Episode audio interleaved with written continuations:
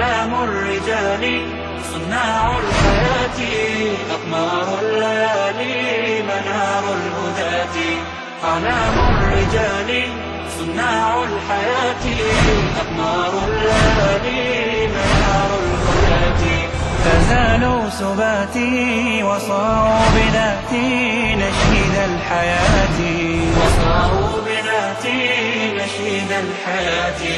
تركنا الهوانا وعادت قوانا بعزم الأبات وعادت قوانا بعزم الأبات. آه يا من تسامى وخلى المنام. جرى العمر يمضي ورا من سراما. إن الحمد لله نحمده ونستعينه ونستغفره ونعوذ بالله من شرور أنفسنا ومن سيئات أعمالنا من يهدي الله فلا مضل له ومن يضلل فلا هادي له. أشهد أن لا إله إلا الله وأشهد أن محمدا عبده ورسوله. وقال ربنا في كتابه الكريم بعد أعوذ بالله من الشيطان الرجيم. يا أيها الذين آمنوا اتقوا الله حق تقاته ولا تموتن إلا وأنتم مسلمون. Zahvala pripada Allahu subhanahu wa ta'ala, koga naš uzvišeni gospodar uputi na pravi put, u istinu je upućen, a koga ostavi u zabludi, nećemo naći nikoga ko će ga na pravi put uputiti. Svjedočim da nema drugog istinskog Boga osim Allaha subhanahu wa ta'ala i da je Muhammed alaihi salatu wasalam posljednji Allahov poslanik poslan sa istinom. Uzvišeni plemeniti je kazao u svojoj plemenitoj knjizi o vjernici, bojte se Allah istinskom bogobojaznošću i ne umirite nikako drugačije osim kao muslimani. Zatim, assalamu alaikum wa rahmetullahi wa barakatuh. Hvala Allahu subhanahu wa ta'ala koji nas je poživio i ponovo okupio na ovom bareć mjestu da nastavimo govoriti o njegovim veličanstvenim, lijepim i najljepšim imenima kojima se on subhanahu wa ta'ala opisao u svojoj plemenitoj knjizi sunetu poslanika Muhammeda sallallahu alihi wa. Večeras e, nisam bio planirao doći iz razloga što sam malo bolestan, ali s obzirom na vrijednost dolaska i ovih sjela i druženja ima Allaha subhanahu wa ta'ala i molijeći Allaha subhanahu wa ta'ala da nam podari snage da dođemo održeno predavanje, eto uspio sam alhamdulillah doći. Večeras, draga braće i cijene sestre, govorit ćemo o jednom veličanstvenom Allahom te bareke ve ta'ala imenu, ime koje ima udjela u našim uvodnim predavanjima, udjela u svakoj početnoj uvodnoj hudbi poslanika alaih salatu wasalam i svi oni koji ga slijede na dobrom u smislu od počinjanja svojih uvodnih predavanja riječima. A večerašnje ime je El Hadi, El Hadi, jedno veličanstveno Allahu subhanahu wa ta'ala ime iz kojeg proizilaze mnoge koristi, mnoga dobra, mnoge fajde koje svaki od nas treba znači da spozna, da shvati, da razumije, kao što ćemo ako da već razgovoriti. El Hadi ima značenje onaj koji upućuje na pravi put, onaj koji upućuje na pravi put, onaj koji ukazuje na pravi put, onaj koji daje nadahnuće u srcima vjernika da čine dobročinstvo, da rade dobro. Onaj koji izvodi ljude iz robovanja ljudi u robovanje gospodara ljudi. Onaj koji izvodi ljude iz tmina, kufra, širka, nevjerstva, džahilijeta, licemjerstva, zaista na najpravi put, put svjetla, upute, koje možemo kazati da je spoznaje Allaha Đelevala kroz njegov rububijet, uluhijet, njegova lijepa imena i savršena, savršena svojstva. Sva ova značenja i druga značenja obuhvata riječ, odnosno ime Allah Đelevala El Hadi. I zato zna, kazali smo u početku i u početnim predavanjima da Allahova lijepa imena sadrže u svom opisu vrhunac, vrhunac ljepote i da niko ne posjedi osobine i svojstva tih imena osim uzvišenja Allah subhanahu wa ta'ala u smislu njihove, njihovog, njihovog savršenstva. U jeziku El Huda vam je svima poznato. El Huda, šta znači Huda? uputa. Imamo heda Allahu lidinihi. Allah ga je uputio na pravi put. Uputio ga u vjeru. Istinsku sa kojom je on subhanahu wa ta'ala zadovoljan. Imamo značenje huda što je jako bitno i interesantno pokornost. Pokornost. Da se pokoravaš i da slijediš. I to je jedan od velikih plodova koji će e, proizaći iz poznanja Allahovog Tebare Kvetala imena El Hadi. Također imamo nešto što je bejin, nešto što je jasno. Jer na mnogim mjestima u Kur'anu ima, ima to značenje. Allah Đelšan govori u suri Sežde u 26. ajetu Evo nam jehdi lehum. Allah Đelšanu kaže Zar ovima nije sasvim jasno? Jehdi ovdje znači biti nešto jasno, očito, tako da e, nema sumnje u ono što dolazi, u ono što dolazi nakon toga.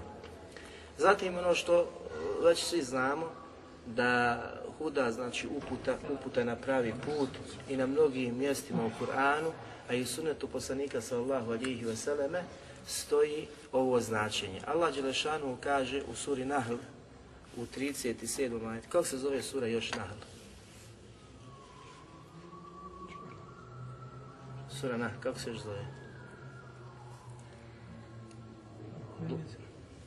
To je na bosanskom ne, ne, ne u prijevodu znači Nahl, nego kako su još učenjaci nazvali.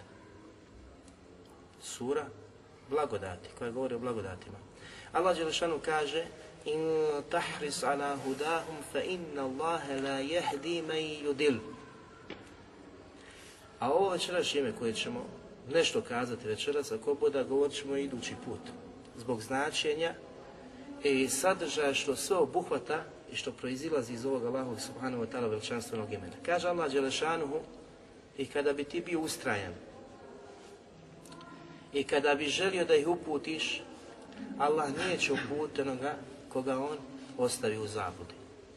Allah vala jedini upućivač, jedini koji upućuje na pravi put. I niko ne može uputiti na pravi put osim Allah subhanahu wa ta'ala.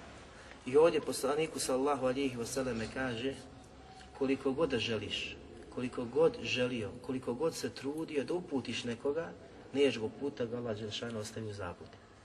Što ne znači i ne proizilazi iz ovoga da se mi ne trudimo. Ne. Mi ćemo se truditi kao što se poslanik Ali Islatu Islam trudio, ali su konačni rezultati fiku.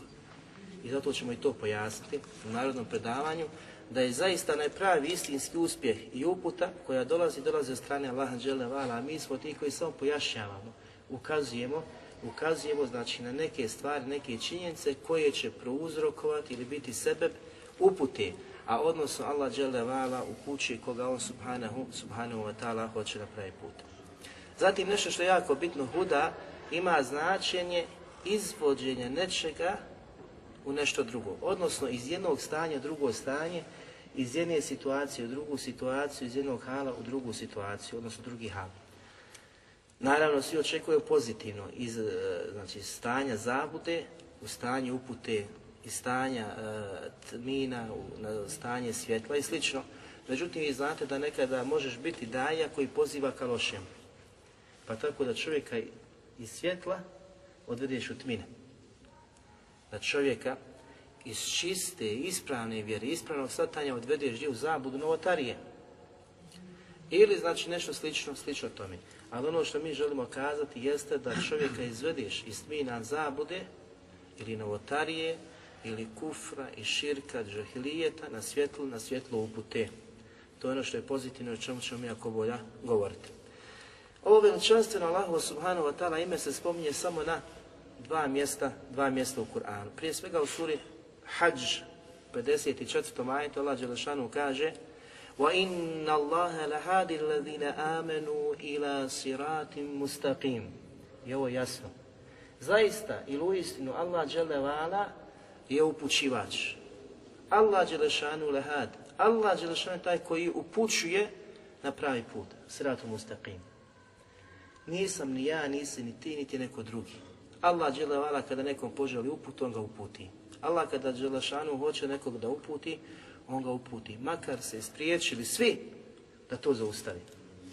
Znači nema toga, ako će odbiti Allahu te barek i volju, kada želi nekoga da uputi, da ga ljudi zavedu ili odvedu u zabudu. I to je nešto što je jasno i što je najveći rezultat koji proizilazi iz poznaje Allahovog subhanahu wa ta'ala imena El Hadi. Zatim Allah Đelešanu kaže u suri Furkan u 31. ajetu وَكَذَلِكَ جَعَلْنَا لِكُلِّ نَبِيٍّ عَدُوًا مِنَ الْمُجْرِمِينَ Subhanallah, o ovom ćemo ajetu govoriti tog predavanja. Mi smo svakom vjerovjesniku, svakom poslaniku davali da ima neprijatelje u, svom narodu. Minel muđirmin, od onih koji su pokvarenjaci. Od onih koji su pokvarenjaci. Znači svaki poslanik je imao neprijatelje. Gdje god da se pojavio, kako god da je pozivao, svi vjerovjesnici, svi poslanici su imali neprijatelje. Od minel muđrimin, od pokvarenjaka. Međutim, Allah Đelešanu daje utjehu nakon toga. Pa kaže, وَكَفَا بِرَبِّكَ حَادِيًا وَنَصِيرًا A tebi je dovoljen Allah dželevala kao upućivač i pomagač. Upućivač ovdje hadijan u anasira je zaista nešto veličanstveno. Hadijan u smislu Allah dželevala ti u tom trenutku dovoljan koji će te izvesti iz te teške situacije na pravi put, odnosno osnažiti, ojačati, pomoći. Neizbježna Allahova te bareke vetala, pomoć. Kome? Onaj koji ustraje. Jer svaki vjerovjesnik je imao znači, te probleme kod svog naroda od strane pokvarenjaka. Od strane onih koji nisu bili zadovoljni s onim u što poziva poslanik ili vjerovjesnik koji je dolazio. Tako da i oni koji su nosioci dave, oni koji su sebenici poslanika i vjerovjesnika, na iste probleme će nailaziti. I ovdje je jako jasno da ahi poslanik sallallahu alihi wasallam kad se je pojavio i kada je počeo pozivati, Allah Đelešan kaže ti o Muhammede ćeš imati probleme kao što su imali oni prije tebi. Ali će te Allah Đelešanu pomoći osnažiti i izbaviti se teške situacije. Poslanik je zapao u takvu situaciju tešku. I svi oni koji ga budu slijedili zapadat će u situaciju tešku. Znači neće biti ruže, neće biti blagostanje, neće biti dobrota, Može doći nekada i takvo stanje. Poslaniku Ali Islatu Oslam je dolazilo takvo stanje. Od 13 godina je bilo e, velikog proganjanja, velikog neprijateljstva od strane njegovog naroda koji su ga odbili i čak protjerali iz njegovog rodnog kraja. Zatim se digli sa velikom i ogromnom vojskom koja je čak htjela da ga e, uništi i u Medini. Ali Allah Vala ga je pomogao, osnažio, ojačao i na kraju njegova vjera je dominirala nad mušicima, mnogobožcima i svim onim koji su htjeli poslaniku sallallahu alihi vseleme nažal učiniti, jer Allah vala obećava da je kifajet od njega. Od njega dolazi zaštita i on je zaista uistinu dovoljan e, vjernicima, poslanicima i svim znači, koji su zaista istinski sebenici poslanika sallallahu alihi vseleme. Ovo znači dva mjesta, el, sura Al-Hajj 54. ajet i sura Furkan 31. ajet. Značenje navedenog imena kada se odnosi na Allaha subhanahu wa ta'ala. Zaista značenja postoje, odnosno mnogi slučenjaci pokušali da pojasne Allahu te barek wa ta'ala ime El Hadi. Ibn Đari rahmetullah alih kaže za kuranski ajet iz sure Hajj وَإِنَّ اللَّهَ لَهَادِ الَّذِينَ آمَنُوا إِلَى صِرَاتِ الْمُسْتَقِيمِ I uistinu Allah dželle je upućivač koji upućuje one koji vjeruju na pravi put. Zaista će Allah Đelešanuhu znači izvesti one koji vjeruju na pravi put, iznaći im svako rješenje i svake teške situacije. Kaže Ibn Đari Rahmetullah Ali, uzvišeni Allah subhanahu wa ta'ala će uputi one koji vjeruju, ledina amenu, koji vjeruju u Allaha i njegova poslanika sallallahu alihi wasallame na pravi put i jasnu uputu.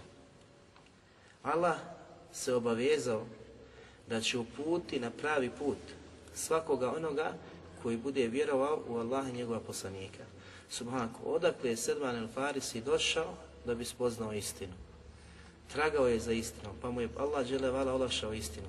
Na kraju je prihvatio, postao poznat od ashaba poslanika sallahu alihi vseleme, čak znači imaju neki detalji života Selmana el Farisija koji su tako uticali na ostale ashabe, čak su znači doprinijeli pobjedi poslanika i ashaba u određenim određenim situacijama. Zatim kaže za riječi وَكَفَا بِرَبِّكَ هَادِيَ وَنَسِيرًا A Allah dželle ti je dovoljan kao pomagač i onaj koji upućuje na pravi put. Kaže, dovoljan ti je tvoj gospodar, o Muhammede, koji je jedini upućivač. Jedini. Ne može niko nikoga uputi ako Allah dželevala ne dozvoljava. Znači onaj koji upućuje Allah subhanahu wa ta'ala, koji će te uputi na pravu istinu i podariti razboritost. Allah dželevala će uputi i poslanika alaih sallatu wasalam, podarit će mu razboritost, rušt u njegovim postupcima, kao što je danas potrebno nama, da smo na uputi, ali isto tako da kada sprovodiš ovu uputu, kada slijediš uputu, kada uh, radiš po onim stvarima koje Allah džele vala nalaže i njegov poslanik sallallahu alihi wasallam potrebno nam je rušiti. Razboritost u našim postupcima, da znamo kako i na koji način, da ne požurujemo, da ne donosimo odluke na brzinu, nego da promislimo, da razmislimo, da svaki naš pokušaj, svako naše stanje, svaki naš postupak sadrži u sebi mudrost mudrost, jer poslanik alaih sallatu wasalam je bio takav i ta mudrost je odlukovala poslanika alaih sallatu wasalam, tako da to isto treba da odlikuje i njegove sedbenike, a posebno nas kao pojedinca na našim prostorima gdje živimo. Ibn Kesir rahmetullah alaih kaže وَكَذَلِكَ جَعَلْنَا لِكُلِّ نَبِيِّنْ عَدُوًا مِنَ الْمُجْرِمِينَ وَكَفَى بِرَبِّكَ هَادِيًا وَنَسِيرًا Isto tako su mi svakom poslaniku, svakom poslaniku prije tebe davali da u svom narodu ima neprijatelje. Minel muđirmin, od pokvaranjaka, od onih koji nisu zadovoljni sa onim sa čim je došao poslanik sallahu alihi veseleme, a u istinu je Allah dželevala dovoljan upućivač i pomagač, kao što smo kazali na početku. Govor Ibn Kesira za značenje ovoga kaže, to jest kao što tvoj narod, tvoj neprijatelj, kada si ga pozvao u vjeru u jednog Allaha subhanahu wa ta'ala. Znači, svi oni su imali problema s narodima kad, u kom trenutku? Kada su oni počeli da ih pozivaju na pravi put. Kao što se dešava sa tobom Muhammede. Čim si počeo pozivati, pojašnjavati istinu i pozivanje robovanje i obožavanje jednog uzvišenog Allaha subhanahu wa ta'ala, naišao si na probleme kao što su naišli oni prije, prije tebe. Pa kaže isto tako, prošli su narodi činili sa svojim poslanicima. Znači isto to su činili prošli narodi sa svojim vjerovjesnicima, svojim poslanicima koji su im bili slati. Zatim kaže, među njima bilo je njihovi neprijatelja koji su odvraćali ljude od upute. Danas koliko ljudi kada ih počneš pozivati, pojavi se u nekom mjestu e, ili na našim prostorima ili u okruženju, regionu, čim se pojavi skupina koja poziva ka Allahu subhanahu wa ta'ala, pojavljuje se odmah druga skupina koja odvraća one koji se priključuju karavani spasa, uspjeha, koji zaista žele i žude da budu pravi vjernici na pravome putu. Odmah znači postaje tabor koji odvraća od Allaha od Tebare Kvetala puta kao što se dešavalo sa ranijim vjerovjesnicima i poslanicima i sa našim poslanikom Muhammedom sallallahu alihi wasallam. Međutim, kaže uzvišeni Allah je jedini upućivač i niko se ne može ispriječiti njegovoj uputi. To su radosne vije sa strane Allaha Đelevana. Da, znači, niko ne utiče, niti može neko u zabudu nekoga odvesti u smislu da je on taj koji odvodi u zabudu, stvarno, znači on pripada to pravo koji e, odvodi, odnosno upući na pravi put. To pripada Allahu subhanahu A kada Allah odluči nekoga da uputi, cijeli svijet kada bi se okupio i sakupio da spriječi tu uputu, nije u stanju, znači da spriječi. Allah džele će izvršiti ono što je odredio. Pa kaže zbog toga uzvišen Allah subhanahu wa ta'ala kaže, a tebi je gospodar tvoj dovoljan kao upućivač i pomagač. Kaže isto tako svakome onome, sad je radosna vijest za one koji slijede poslanika alaih sallatu wasalam. Pa kaže isto tako svakome onome ko slijedi njegovog poslanika sallallahu alaihi wasalam. Koga bude slijedio, istinski, ko bude slijedio poslanika alaih sallatu wasalam, Allah žele vala ćemo biti hadijem o nasira i pomagač i upućivač. On će te voditi, on će te ukazivati, on će ti iznalaziti, e, e, e, izlazi svake teške situacije i ono što je povrh svega, on će te ojačati, osnažiti, pomoći. Niko ti neće moći nažao učiniti. Iako ti učini, učinio njegovom voljom i njegovom odredbom, a na kraju sve to opet u korist tebe. Ako te ubije, vraća se Allahu dželle vala zadovoljan tobom, koji će to opet nakon svega toga uvesti u dženevska prostranstva. Ako te, znači, zaštiti u smislu ti je dao, produžio život, odredio duži život nego što oni misle da ti ga oduzmu, bit ćeš opet u blagostanju, u mogućnost da pozivaš, ukazuješ na pravi put u zadovoljstvo Allaha subhanahu subhanahu wa ta'ala.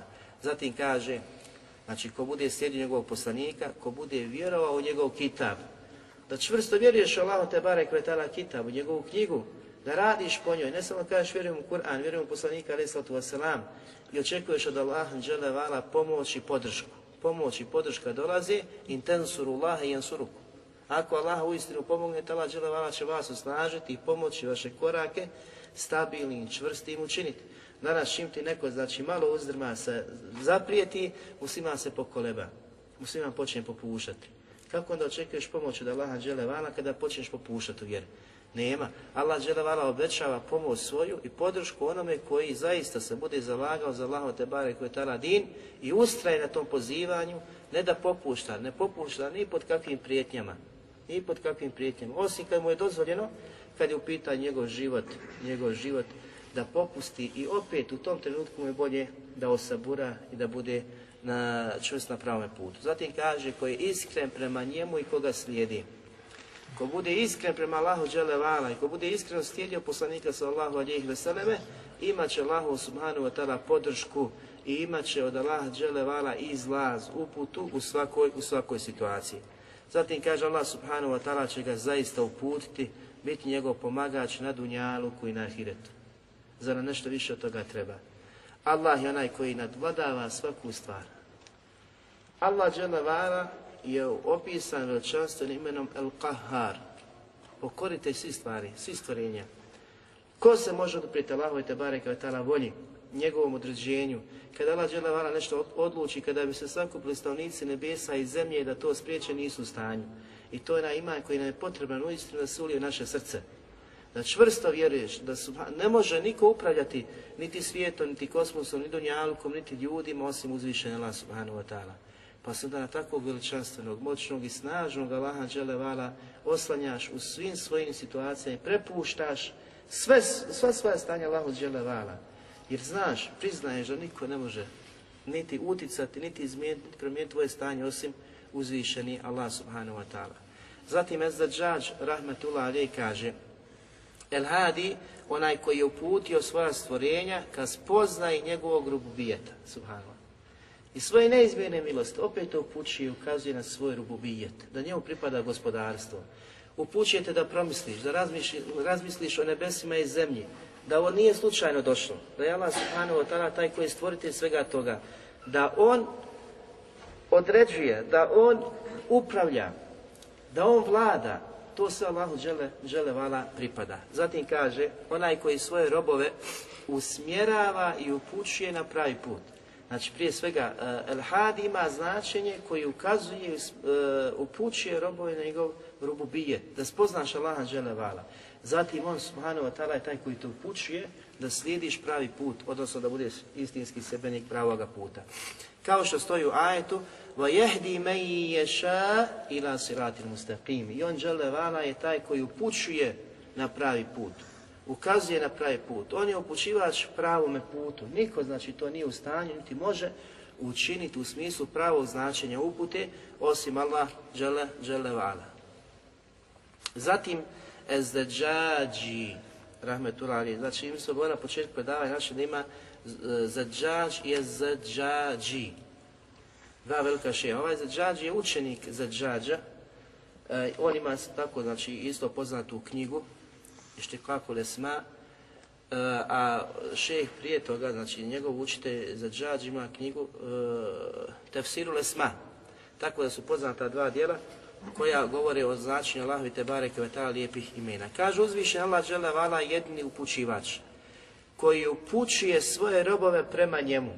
Usmjerava ih ka Allahu subhanahu wa ta'ala. Usmjerava da ideš i da hodiš ka Allahu subhanahu wa ta'ala. Zašto ne hadis zašao? Ko mi dođe, hodajući kao će Allah njemu. To znači upućujete, usmjeravate ka, ka Allahu subhanahu, subhanahu wa ta'ala. Zatim kaže, on je taj koji usmjerava svoje robove na činjenje dobrih dijela.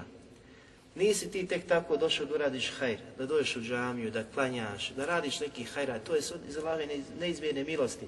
Jer on je taj koji te usmjerava, koji upućuje da radiš dobra djela. I zato se zahvaljujem Allahu Vala na svim blagodatima, posebno na blagodati dina, vjerovanja Allaha te bareke vetala, a to sve obuhvata, sve naše postupke, sav naš rad. To je vjera.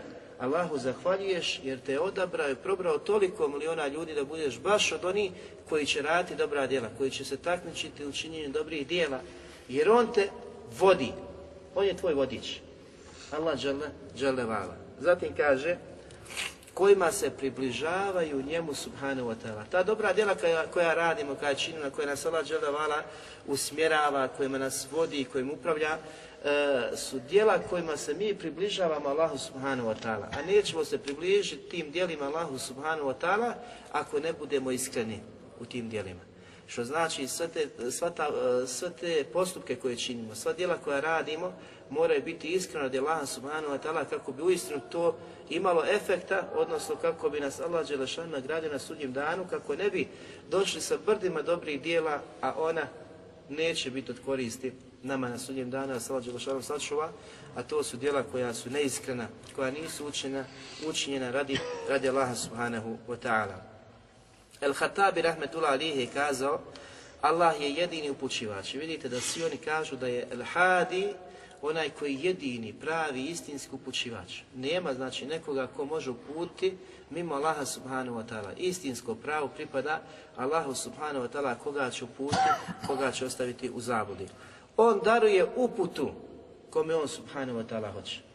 Allah vala probira, Allah šan darije, dariva uputu kome on hoće subhanahu wa ta'ala svojih robova. Pa kad vidiš da si počašen od strane Allaha subhanahu wa ta'ala, to opet iziskuje i traži od tebe šta? Šukr na tim neizmjernim blagodatima. A najveća ta blagodat je vjera, vjera u Allaha subhanahu wa ta'ala. Pa kaže onome kome daruje uputu, već ga je posebno odlikovao. Uputa i ne treba ti dunjavak, ne treba to u smislu kao, e sad sam ja dobar, jel? Sad mi je Đelešan podario sve što treba. Dovoljna ti je uputa da budeš posebno, posebno odlukovan od strane Allaha subhanahu wa ta'ala, a to danas se dostaje mnogima, mnogima i mi treba da cijenimo uputu, ne da se zasitimo uputom, u smislu jedan određeni period praktikuješ din, vjeru i nakon toga ostaviš vjeru. To nije šukr, to nije zahvalnost Allahu džele i blagodatima. To je, to je stvar Najveća stvar koju te Allah može podariti, uputa, koja te čini sretnim i zadovoljnim i na Dunjaluku, a posebno u vječnoj kući. Ako te vječna kuća mimo iđe, bez upute na Dunjaluku, šta možeš očekivati tamo osim, osim velike kazne? A ta velika kazna nije znači godina, dvije, tri, sto godina, to je vječna kazna koja će čekati svakoga onoga koga zaobiđe i mimo iđe uputa koji ne traži i ne žudi da bude upućen od strane Allaha subhanahu, subhanahu wa ta'ala. Pa kaže, i prema njemu svoju plemenitost ukazao. Nakon što te je posebno odlikovao, što te je samo počastio uputom, ne, to je znači poseban i čram od strane Allaha te barek vetala prema tebi. Jer je on te barek vetala kerim, plemenit. A posebno je plemenit prema svojim istinskim pravim robovima, pa pogledajte, znači, tog odlikovanja od strane Allah te bareke ve ta'ala da je posebno plemenit prema, prema takvim robovima. Kako se ogleda ta plemenitost? Tako što ti je ukazao na put svjetlosti, put upute, e, put jasnoga puta i izvođenja iz tmina, kufra, nevjerstva na svjetlo tevhida. I danas je jako bitno jako bitno, najbitnija stvar da budeš muvahid, da budeš onaj koji zaista istinsko obožava Allaha subhanahu wa ta'ala, onako kako on te barek ta'ala zahtjeva od nas, a ne kako se nama šefnije, jel, u smislu, ja mogu ovako, mogu onako, ne. Ovdje mora, znači, da se vladamo po onome kako Kur'an nalaže i sunet poslanika, sallallahu alihi veselem, pa kaže, kao što uzvišenje Allah Đelešanu kaže, Wallahu yad'u ila daris salam. Allah dželevala vas poziva u kuću spasa u kuću spasa. I nakon toga kaže Allah Đelešanu jehdi men ješa ila siratil mustaqim. I on je taj koji upućuje na pravi put koga on hoće te bareke vetala. Allah subhanahu wa ta'ala upućuje na siratul mustaqim koga on subhanahu wa ta'ala odabere koga on hoće. Tako da Ne možeš biti upućen samo svojom željom. Želiš biti na pravom putu. Nego to sve opet ovisi zavisi od strane Allaha te bareke, te bareke ve. Zatim nakon toga še kaže, on upući ostala stvorenja, poput životinja, pogledajte, i životinje čak nadahne i uputi na one stvari koje će im koristiti, od koje koristi imaju. Isto tako i ukazuje, upućuje, nadahnuće im daje spušta kako bi se sačuvali štetnih stvari, svega onoga što će im štetu prouzrokovati, sve ono što će im štetiti. Allah da znaš kako životinje vede brigu, znaš šta mu je korisno, znaš šta mu je štetno. Odakle to dolazi? Ko je taj hadi koji mu daje koga uspjerava u tim postupcima? Allah subhanahu wa ta'ala što ukazuje na još jedno veličanstvo Allaha te bareke, te bareke wa ta'ala. Zatim kaže on im daje ispravan pravac, nadahnuće kako će tražiti rizko, obskrbu. Allah usmjerava i životinjahi prema onim stvarima i mjestima gdje ne znaš da ima rizik, ona krene, zaputi se. Pogledajte životinje kako danas s jednog predjela ide na drugi predjel, tražeći. I Allah Đelešanu svima njima brigu vodi. Niko god ni Allah Đelešane zapostavlja. O svima brigu vodi do roka određenog. Kao što mi imamo rok, tako imaju životinje rok. Ali Allah Đelešanu o svemu što je stvorio, o svojih stvorenja, subhanahu wa ta'ala, vodi, vodi brigu. Pa kaže, dokaz znači navodi šeh, Kale, rabben, eh, kale rabbuna allazi ata kulle še'ine halqa. Musa a.s. ovdje opisuje da je naš gospodar onaj koji vodi brigu o svemu onome što je stvorio. Vodi brigu o svemu onome što je stvorio. Odnosno svaka ta stvar koja je stvorena, Allah Đelešanuhu brine se o njoj. Neće znači izostati sve ono što ti je potrebno da te zadesi od strane Laha Đelevala. Međutim, šta je na kraju toga u kuranskom majetu? Summeheda. I svaku tu stvar nadahni i uputi prema onome što je potrebno. Summeheda. Svaku tu stvar, sve što je stvorio, Allah vodi brigu o njima. Ali svaka ta stvar, stvorenje ima nadahnuće od strane Allaha Đelevala kako će, gdje će se zaputi, šta će tražiti, šta će pojesti, šta će, šta će popiti. Zatim Sadi Rahmetullah Ali kaže, El Hadi, onaj koji upućuje i usmjerava svoje robove prema svemu što koristi.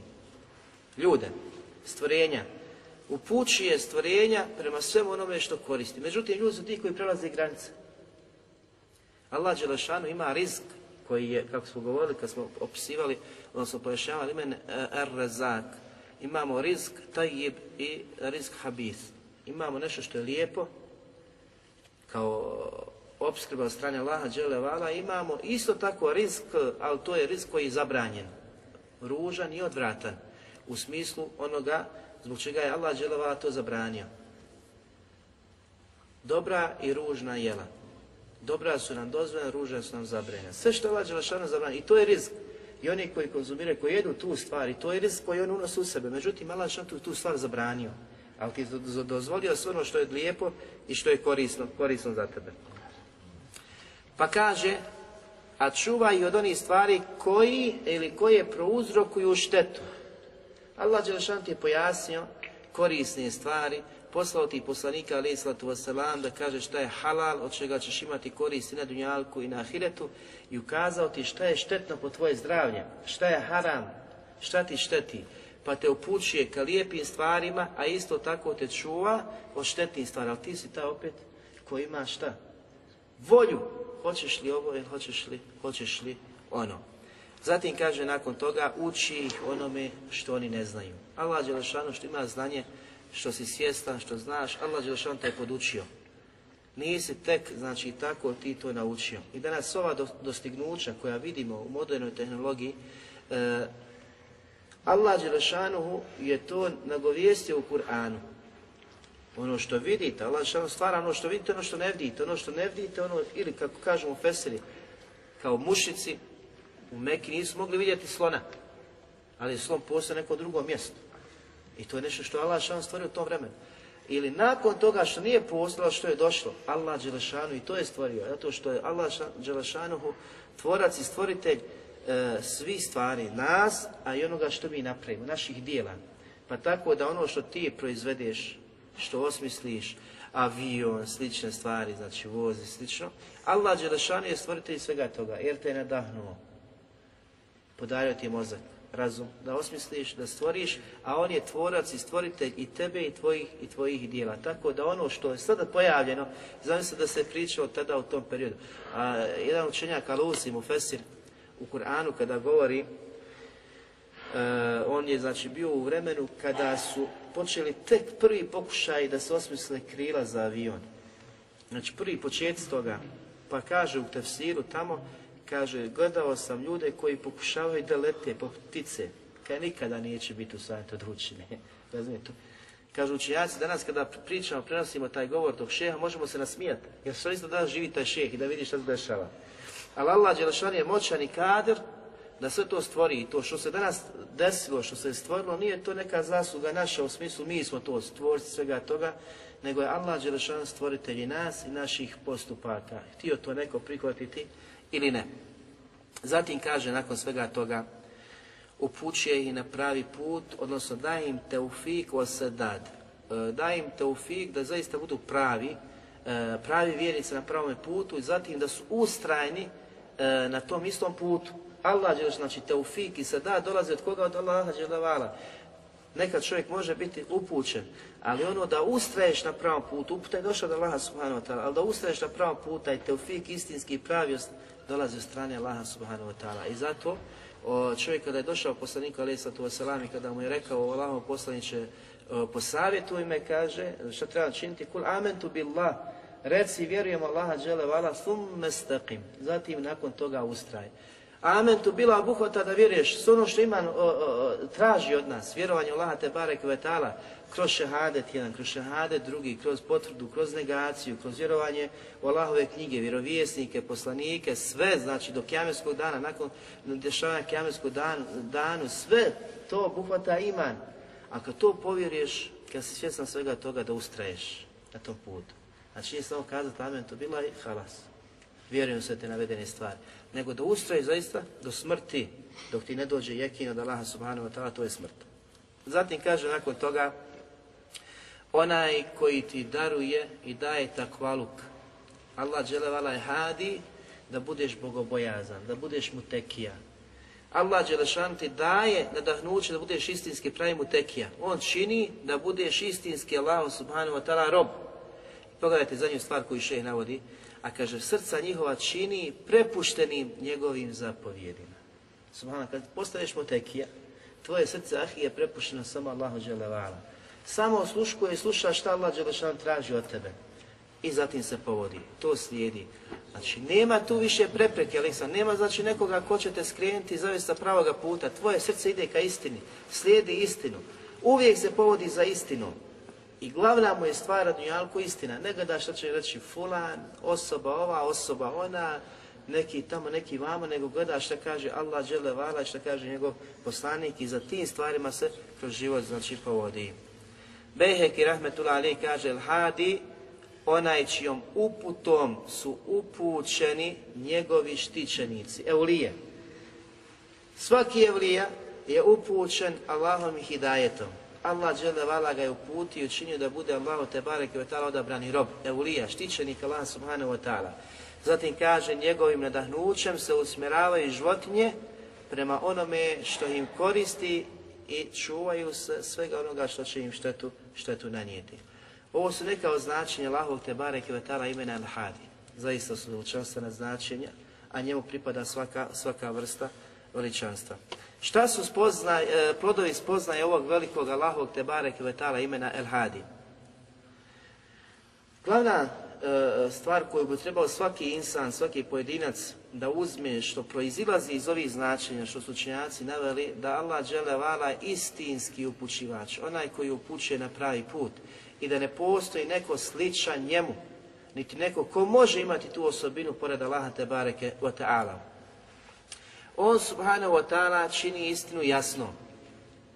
Pojašnjava istinu. Od njega istina dolazi. On te bareke vetala šalje vjerovjesnike, šalje poslanike, spušta knjige. On je pojasnio da je dženet istina, da je e, džehenem istina, da kjamerski dan postoji, da čovjek treba da se priprema za kjamerski dan. Sve Allah dželevala, sve ovo potpada pod Allahu te barek ve ta'ala uput. Da Allah Đelešanu ne želi da ljudi budu upućeni, ne bi im slao šta? Vjerovjesnike. Ne bi im spuštao knjige, jer nakon smrti vjerovjesnika knjige ostaju. Zato znate na hadis poslanika sa kada čovjek preseli i za njega ostaju tri stvari koje će mu koristiti. Koje su to tri stvari? Jedan ko će navesti sve tri stvari. Ti jahi. Trajna sadaka, znanje,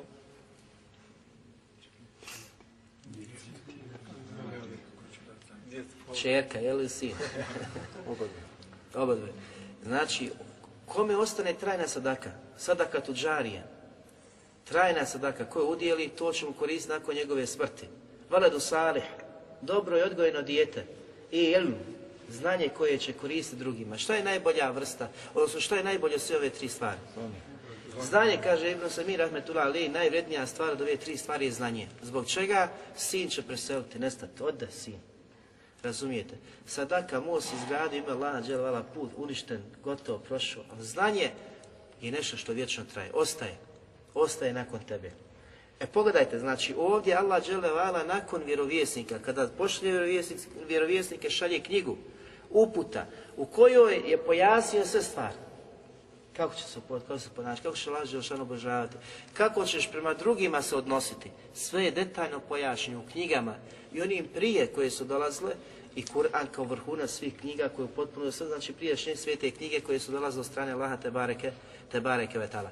Sve znači dolazi od Allaha dželevala zato što Allah Žešanu upućuje, ukazuje na pravi put.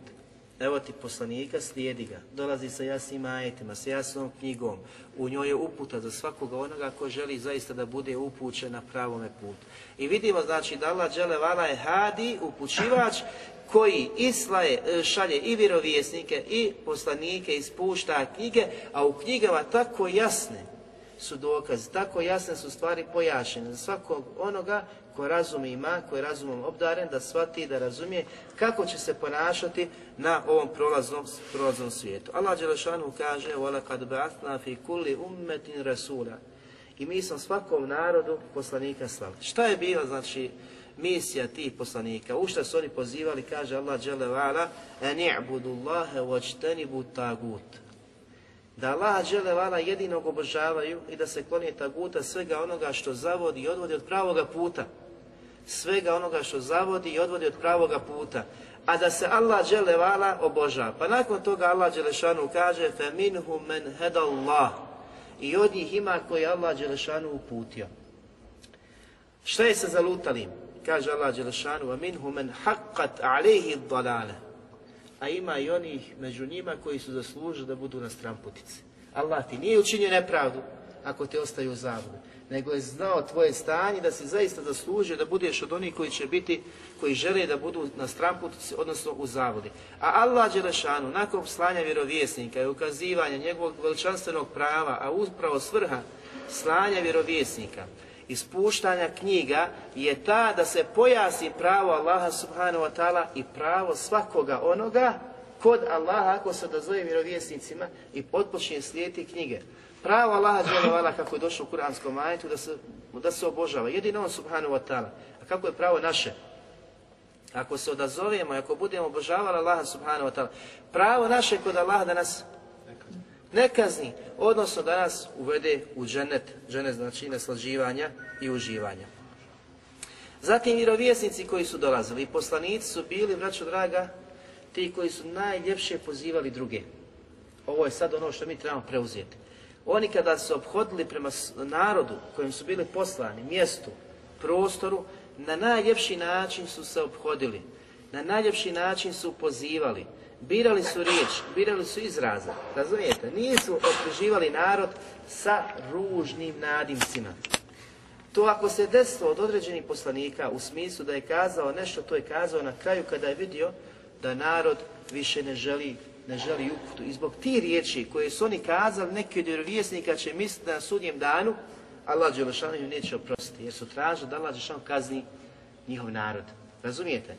I zato je e, definitivno znači uzor svim nama ili svima nama, ko? Poslanik Muhammed alaih sallatu wasalam i vidimo njegove e, primjere, znači mnogobrojnih života Mekanskog i Medinskog kako se obhodio. Zatim ti isti vjerovjesnici i poslanici su bili najučeniji i najbolje su poznavali Allaha subhanahu wa ta'ala.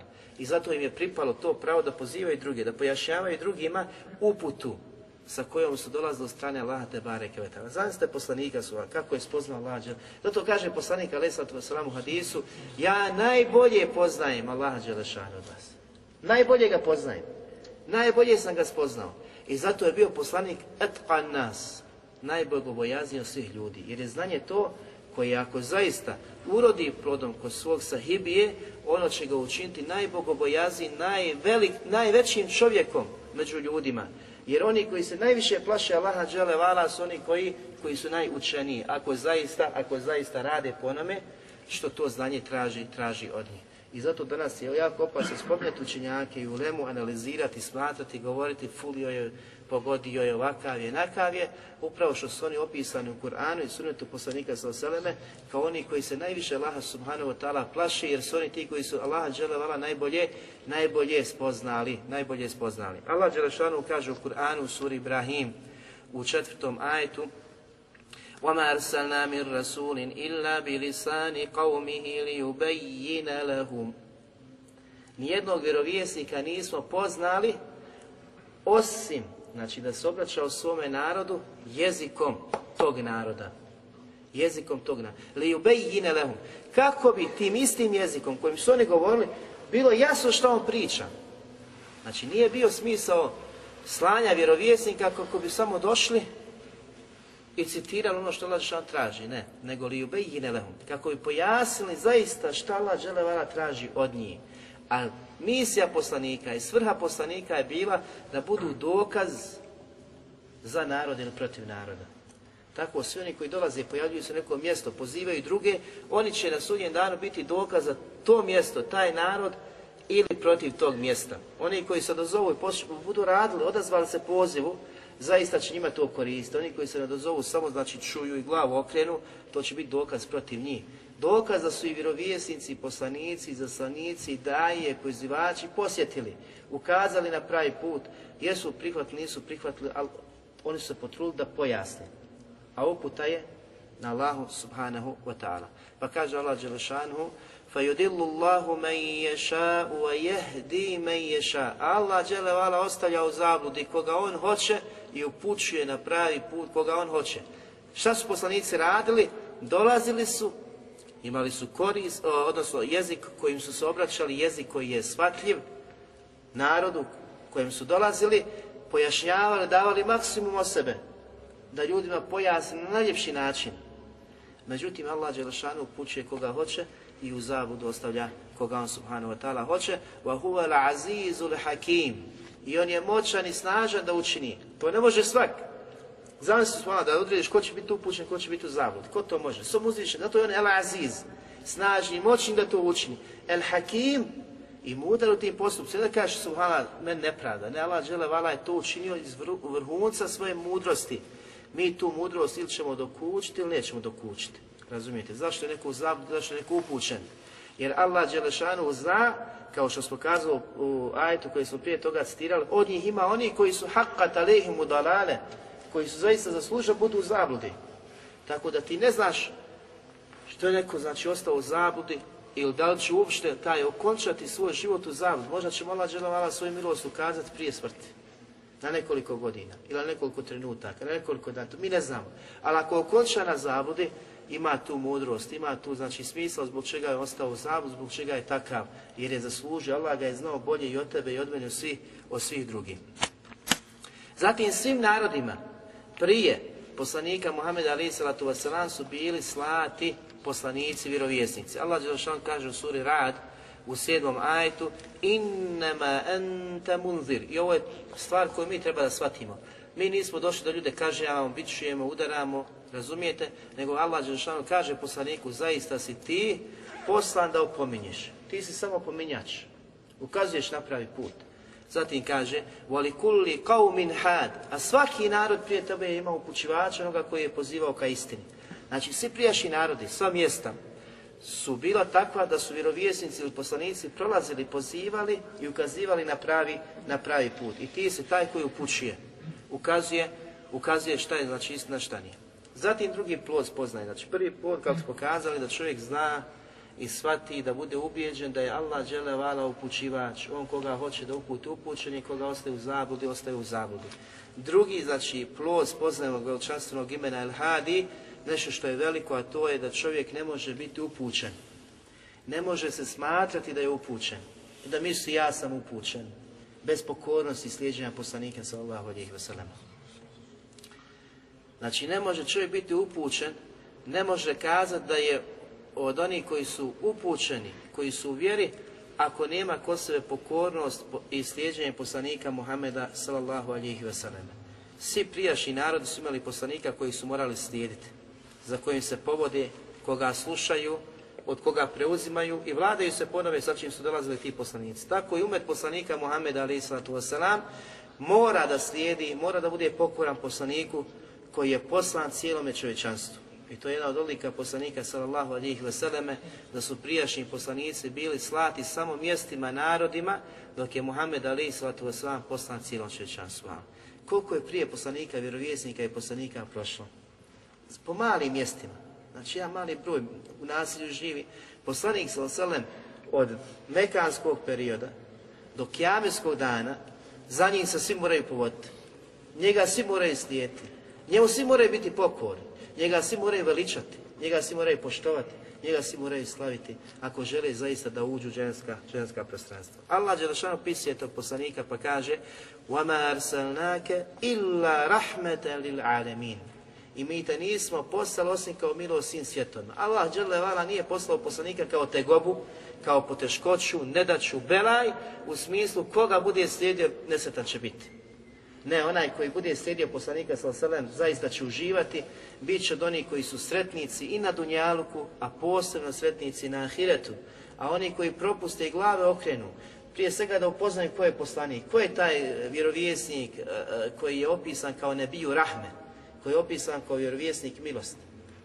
A kako je nije? Pogledajte ajte kako Allah dželevala opisuje. Kaže Allah subhanahu wa ta'ala يا أيها النبي إنا أرسلناك شاهدا ومبشرا ونذيرا jedni od, ne znam, posebnih ajeta u Kur'anu, kada Allah Đelšanu opisuje poslanika sallallahu alaihi wa sallam.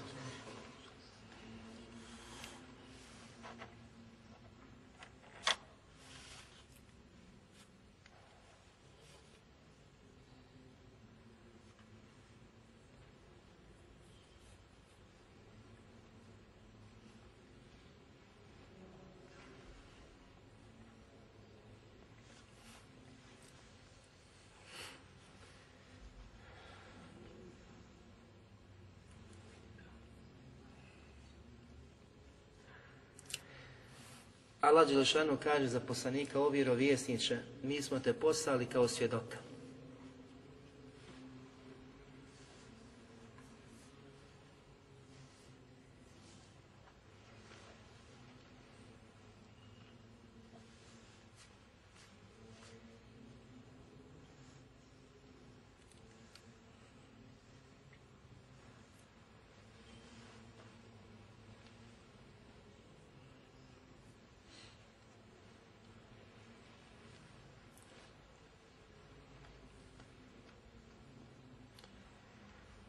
Kao svjedoka šahiden wa mubashiran wa nadhira.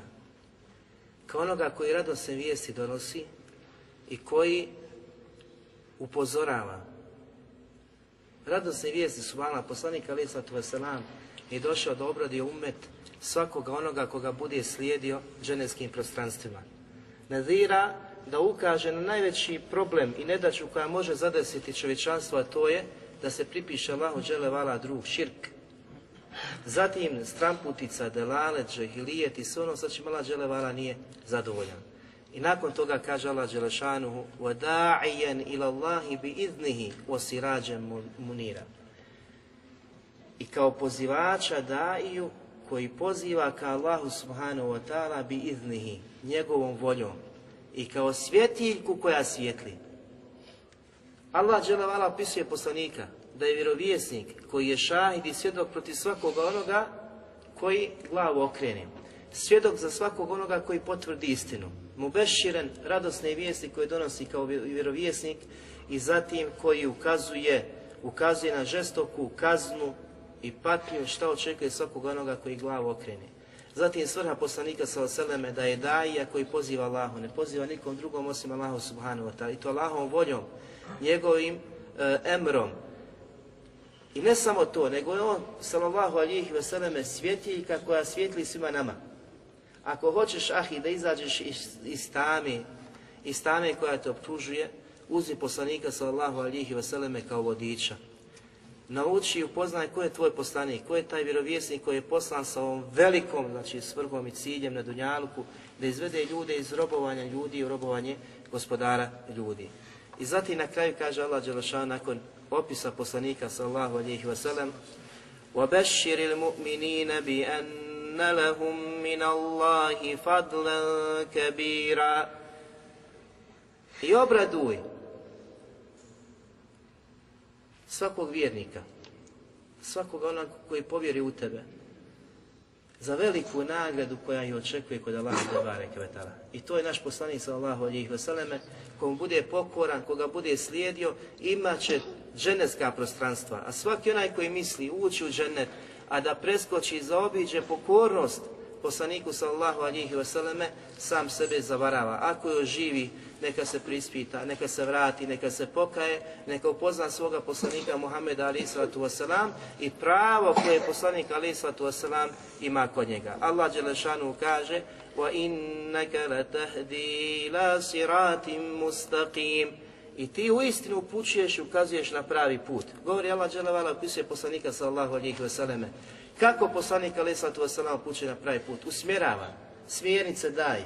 Ako budeš to i to radio, uspjećeš. Ako se odazoveš tome i tome, spašen ćeš biti. Ako ostaviš to i to, sačuvan ćeš biti džehennemske vatre. Ako budeš radio to i to, džehennem, kazna, propast. To je znači ono što je poslanik sallallahu alihi vseleme usmjeravao i davao smjernice umetu poslanika sallallahu alihi vseleme. Zatim kaže Allah Đelešanuhu, Kul ati'u Allahe wa ati'u Rasul.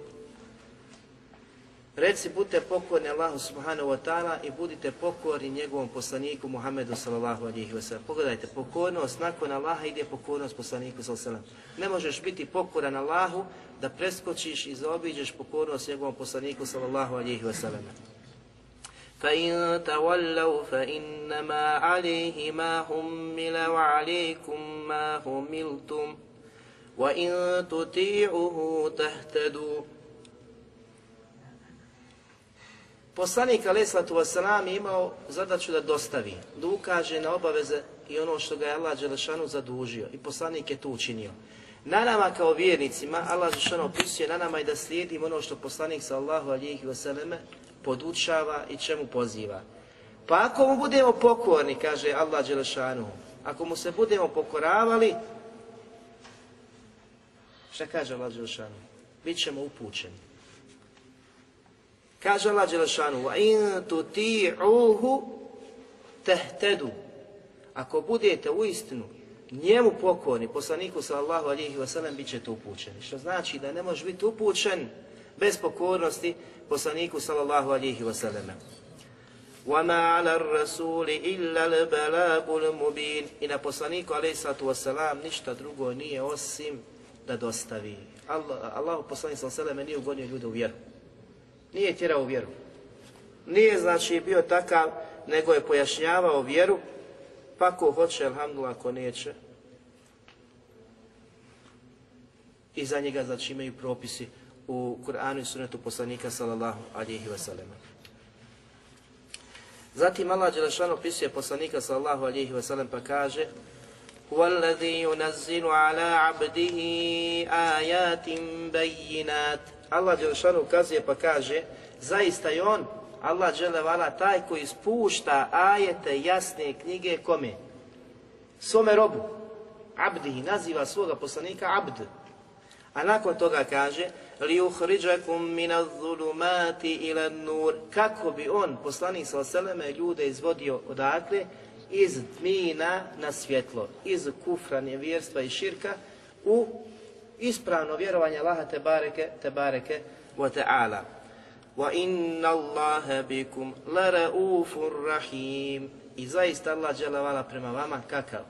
Laraufur rahim. Blag i milostiv. Blag i milostiv ne kažnjava, ne požurije, nije kaznio umet prije nego što je poslao poslanika sallallahu sallam da ukaže na pravi put. I svoje neizmjene milosti šalje poslanika sallallahu sallam koji ukazuje i pojašnjava pravi put, šta je istina, šta je zabluda, šta očekuje svakoga onoga koga bude slijedio, šta očekuje svakoga onoga ko glavu okrene od slijeđenja poslanika sallallahu alihi wasallam. Zatim, posljednja stvar, ili stvar koju ćemo večeras navesti, idući put ćemo nastaviti ako Bog da, da su sve te knjige koje Allah vala spuštao prijašnjim narodima također uzrok sebe Allahove te barek vetala upute, odnosno da su one e, ono što je Allah vala htio, kako kažemo el hadi koji ukazuje upućuje na pravi put, ono što potvrđuje da on uistinu ukazuje na pravi put iz svoje neizmjene milosti, da je slao, kako smo kazali, vjerovjesnik ispuštao knjige. Pa te prijašnje knjige koje su objavljene, poput Tevrata i Inđila i Zabura i Suhufu i Ibrahim i slično, sve je to što je Allah vala iz svoje neizmjene milosti htio ljude da uputi na pravi put. Pa je ostavljao takve e, knjige, slao poslanike. Međutim, one to što jesu doživjele, da su iskrivljene od strane svojih znači, e, sljedbenika, da danas više nisu u originalnoj verziji kakve jesu, pa je Allah Đelešanu poslao knjigu za koju je obećao da će čuvati od bilo kakvog iskrivljenja. Knjigu koja se zove Furkan, knjiga koja je Kur'an, knjiga koja je zikr, opomena svakom pametnom, knjiga koja je potpuna prijašnje knjige, knjiga koja je obavezna svakom onom sallallahu alihi vseleme kao posljednjeg poslanika. Allah Đelešanu opisuje prijašnje knjige u suri Majde u 44. ajetu pa kaže Inna anzalna taurate fiha hudan wa nur. I mi smo Tevrat prije spustili, objavili u kojem je šta? Hudan wa nur. Čista uputa i svjetlo. Tako je znači Tevrat bio, uputa, koja je knjiga koja je pozivala kao uputi, pojašnjenje, izvođenje ljudi iz tmina na svjetlo. Također Allah Đelešanu kaže وَعَتَيْنَاهُ الْإِنْجِيلَ فِيهِ هُدًى وَنُورٌ وَمُصَدِّقًا لِمَا بَيْنَ يَدَيْهِ مِنَ التَّوْرَاتِ وَهُدًى وَمَوْعِظَةً لِلْمُتَّقِينَ I njemu smo dali Inđil. Allah Đelešanu kaže, kome, kome Je Inđil dat, ispuštan? Kojem poslaniku? Nije Ibrahim. Isao ali sallatu wasalam, Inđil je dat. U kojem je, kaže Allah vala hudan, uputa i svjetlo. Knjiga koja potvrđuje prijašnju knjigu Teurat. Pogledajte kako vaša opet. Knjiga koja potvrđuje prijašnju knjigu Teurat. U kojem je opet bila uputa i meu'iza. I koja je bila, znači, pouka za svakog mutekiju. To je znači opis i Inđila i Tevrata, odnosno prije svega Tevrat pa Inđil. Zatim kaže Allah Đelešanuhu Nazzala alika li kitabe bil haqqi musaddiqan lima bejne jedajhi wa anzala Tevrata wal Inđil. Pojašava šta je poslanik sa sallam objavio. Kaže Allah Đelešanuhu i on ti spušta knjigu bil haq, koja je istina u kojoj je potvrda Tevrata i Inđila koje su bile objavljene prije, prije nje. Zatim kaže min qablu hudan lin nasi wa anzala al-furqan u kojima je prije toga bila uputa za čovječanstvo, za ljude. Ali sada spušta i objavljuje Furkan. I pogledaj kako opisi, došli ne Kur'an, nego Furkan koja rastavlja istinu na istine. Ne se tu svašta nagomilalo, jel? I ne zna se šta je istina, šta je zavla. Sad je došlo nešto što je furkan. Nešto što ukazuje na pravu istinu, šta je istina, a šta je, šta je zabuda. Inna alladhina kafaru bi ajati Allahi lahum azabun šadid. Wallahu azizun zuntiqam. A oni koji glavu okrenu, koji postanu nevjernici, koji odbiju ovu istinu koja dolazi, koji budu negirali Allahove ajete, koji se objavljuju u Furkanu, lehum azabun šedid, za svakog od njih je strašna, teška, tegobna kazna i patnja u džehennemu. Wallahu, a Allah džele vala el aziz. Allah je aziz, moćan, snažan, zuntiqam i jako strogo, žestoko kažnjava. Zato svaki pametan treba da promisli, da razmisli da Kur'an je istina, Furkan koji potvrđuje i Tevrat i Inđil, da su zaista u izvornom e, smislu, obliku bile spuštene od strane Allaha te bareke ve ta'ala, da je to veličanstveni govor kojim je Allah dželevala govorio kao što je govorio Kur'anom. Međutim, da su one doživjele izmjenu i promjenu, a da je Kur'an nešto što je živa istina i koja se neće znači promijeniti niti izmijeniti se može to desiti jer Allah garantuje tako da poziva svakoga onoga koji vjeruje u nešto a zapostavlja Kur'an da se mora vratiti Kur'anu jer je ona plemenita knjiga koja je došla od plemenitog gospodara Allaha te bareke ve ta'ala sušta istina koja poziva u ljubav i priznavanje svih poslanika od prvog do posljednjeg, posljednjeg i da u pet odabranih poslanika spominje i Musa i Isa i Ibrahima i nakon toga spominje i Muhammeda sallallahu alihi wasallam kao najodabranijeg, znači vjera koja poštuje i cijeni i ne možeš biti vjernik ako ne vjeruješ jednog od tih vjerovjesnika i poslanika, ali isto tako koja obavezuje da je potpuna pokornost i potpuno stjeđenje Kur'ana i suneta poslanika sallallahu alihi wasallam. Allah Đelešan opisuje svoju plemenitu knjigu pa kaže u sure Al-Isra. Kako se sura Isra zove drugačije? Ha? To je prijevod.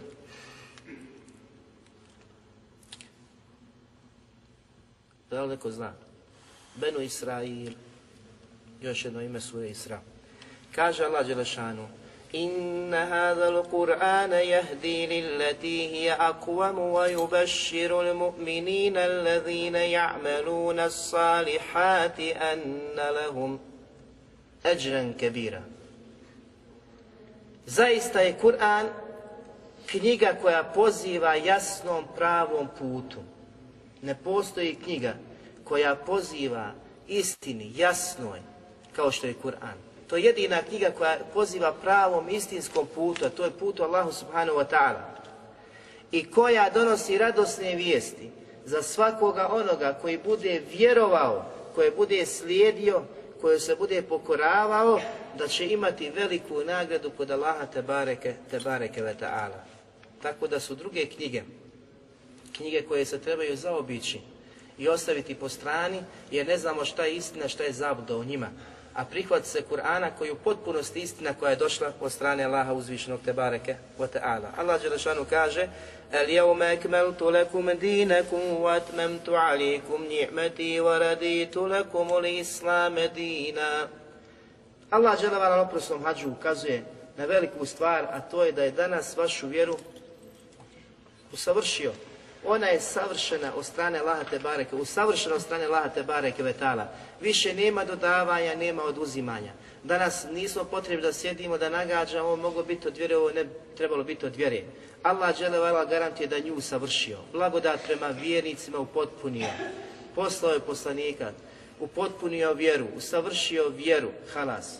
I kaže Allah dželevala, zadovoljan sam samo da vjera bude islam. Allah dželevala je zadovoljan da samo jedina vjera kod njega može biti prihvatljiva je Islam. Vjera sa kojom može čovjek doći nakon početka poslanstva poslanika sa Seleme do kjamenskog dana jedina vjera koja će biti vrednovana, po kojoj će se moći ljudi, na osnovu koje će se moći ljudi e, spasti džehennemske vatre, vjera koja će biti sebe ulaska u džennet je vjera Islam. Vjera Islam. Druge vjere neće znači biti kod Allaha te bareke te bareke ve ta'ala. Zatim u suri Imran u 85. ajetu kaže Allah Đelešanuhu وَمَنْ يَبْتَغِ غَيْرَ الْإِسْلَامِ دِينًا فَلَنْ يُقْبَلَ مِنْهُ وَهُوَ فِي الْآخِرَةِ مِنَ الْخَاسِرِينَ I ovo je poruka svima onima koji tragaju za nečim što nije istina. Kaže Allah Đelešanu, svaki onaj koji bude tražio drugu vjeru pored Islama, ona mu neće biti primljena. I on će biti na sudnje danu minel hasirin, od onih koji su su nadu izgubili, oni koji će biti upropašeni, oni koji neće imati nikakvih izgleda, ni oni minimalni izgleda da za uspjeh, odnosno za spas od džehennemske vatre ulaskom, ulaskom u dženet, osim koga Allah žele vala na dunjalku nadahne i uputi ka dinu islamu, molim Allah žele vala nas učini onih koji će biti istinski vjernici. koji će se istinski Allahu te bareke ve ta'ala pokoravati. Molim Allaha dželevala koji je hadi da uputi sve naše zalutale. Da nam vjeru Islam omili i da omili svima onima koji su na stramputici. Da se smiluje nama, našim roditeljima i svim muslimanima, da pomogne svu braću muslimane u, cijelome svijetu, a posebno braću muslimane i sestre muslimanke, oni koji su danas zaista u teškim mukama i teškim trenucima, a to je znači posebno stanje, stanje u Siriji. Subhanak Allahum hamdika ashhadu an la ilaha illa anta astaghfiruka wa atubu ilaik. Wa jazakumullahu khair. A naredni put ćemo ako nastaviti govoriti o veličanstvenom Allahu te bareke ve taala imenu El Hadi. El Hadi.